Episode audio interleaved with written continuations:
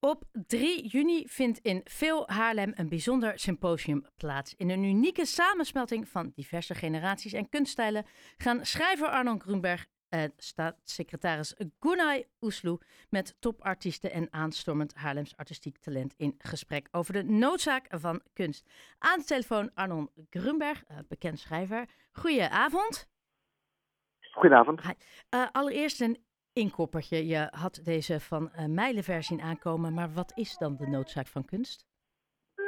Ah, de no ja. Nou, ik heb daar um, toen bij het voorbereidend gesprek ook al gezegd van ik ben helemaal niet zo een, uh, iemand die mensen wil bekeren. Ik, uh, ik stel op het standpunt dat mensen dat, dat, vrij zijn en dat zij die zich niet kunst bekommeren daar, daar recht toe hebben. Maar ik, ik denk wel dat je iets mist als je alles wat, wat wat te vinden is op het gebied van kunst uh, links laat liggen. Dus in die zin zou ik meer zeggen, ik zou het meer willen hebben over de mogelijkheid en over de noodzaak. Ja. Maar ik heb natuurlijk niet het programma samengesteld.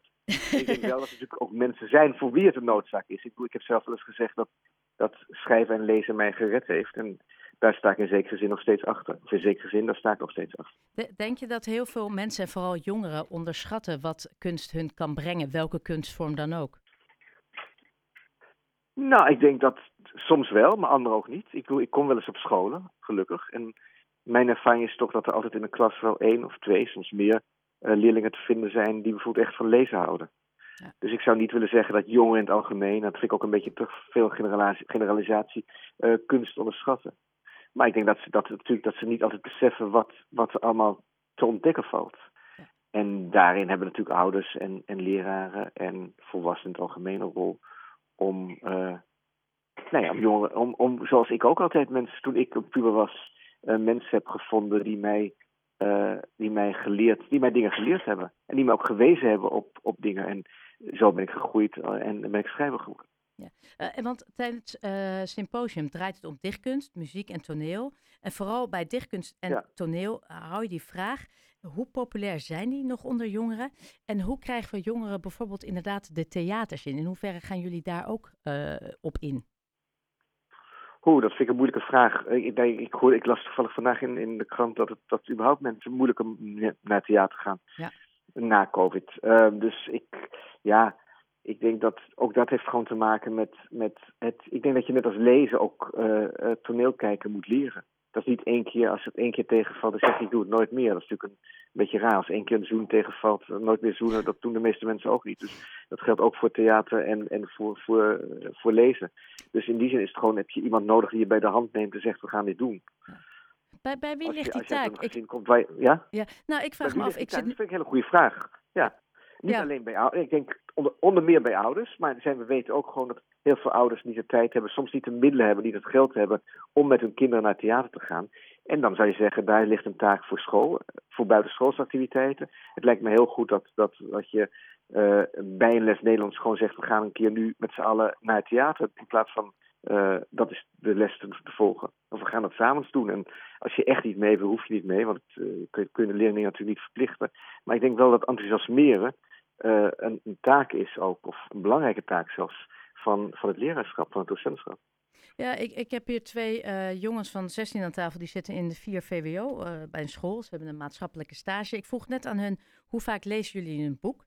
En toen zeiden ze allereerst, nou ja, met de komst van Netflix en een telefoon uh, ging dat wel heel snel downhill. En daarnaast zeggen ze ook dat scholen toch heel erg vasthouden aan vaste boekenlijsten. Hè? Die, die, die lijsten en daar moet je dan een boek uit kiezen. Is dat misschien ook dat we wat meer mhm creativiteit en vrijheid bij jongeren zelf moeten laten?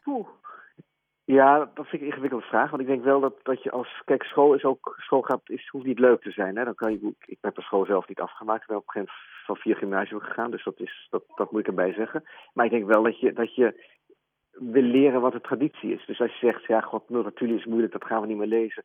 Terwijl dat volgens velen, ik denk ook wel volgens mij toch de Nederlandse schrijver is, dan, dan mis je iets. Dus ik denk enerzijds denk ik dat je wel verplichte boeken nodig hebt. Maar tegelijkertijd denk ik dat je als je een goede leraar bent, ben je een flexibele leraar. En als een leerling is die zegt, ik wil dit heel graag voor mijn lijst lezen, dan kan je er even naar kijken. Dan kan je zeggen, nou, dit, is ook, dit, dit mag je ook lezen voor je lijst. Dus ik denk dat, dat, dat, dat het gaat om flexibiliteit. Dat je niet alleen maar kan zeggen van, nou ja, de leerlingen komen zelf wel uh, met hun boeken aan en dat, dat is ook goed. Ik denk wel dat je wel degelijk iets verplicht mag blijven stellen. Maar ik denk ook wel dat je, moet, dat je de mogelijkheid moet bieden, naast het verplichten, kom maar zelf met iets. Als je ergens enthousiast over bent, natuurlijk, waarom niet? Je moet nooit enthousiasme um, doden of uh, smoren of met voeten treden. Dat, dat is altijd eigenlijk onverstandig. Ja, nee, volledig met je eens. Uh, nou ga jij samen met uh, staatssecretaris Oeslo in gesprek met artiesten. Een heel breed scala aan artiesten. Wat verwacht jij ervan zaterdag? Dat, nou ja, ik heb, ik heb de staatssecretaris ontmoet verleden jaar toen ik um, uh, de Vermeerprijs kreeg, de Johannes Vermeerprijs, uh, toen ik die aan ontvangst mocht nemen. Ik, ik, ik verwacht dat, ik denk, kijk, zij, is een hele intelligente en sympathieke vrouw. En maar ze is natuurlijk staatssecretaris, dus ze zal ook als staatssecretaris praten. Dat betekent dat zij natuurlijk andere dingen zal verkondigen dan iemand die vrijer kan spreken, zoals een, een schrijver of een kunstenaar. En um, ik, ik verwacht dat het een heel open en hopelijk een gesprek wordt wat, wat, wat ook onverwachte kanten uit zal gaan. Dat is toch het leuke van een gesprek, dat het improvisatie is en dat je hopelijk ook mensen kunt verleiden iets te zeggen wat ze niet al vijftig keer hebben gezegd. Ja. En wanneer ga jij dan zaterdag na afloop gelukkig naar huis? Oh, dat is een gewetensvraag. Ik ga gelukkig naar huis, denk ik, als, um, als ik heb gemerkt dat, ik, dat het publiek geboeid is geweest. Uh, en als ik zelf ook uh, dingen heb gezegd of verleid ben te zeggen, want ik word geloof, geloof ik ook geïnterviewd, die ik, uh, die ik niet al heel vaak heb gezegd. Dus dat het voor mij ook echt iets, iets nieuws was. Ja, ja. Arnold Groenberg, schrijver en dus zaterdag te zien en te horen in de Veel in Haarlem. Heel erg bedankt voor je tijd en je toelichting. Graag gedaan. Fijne Dank avond. Jij ook.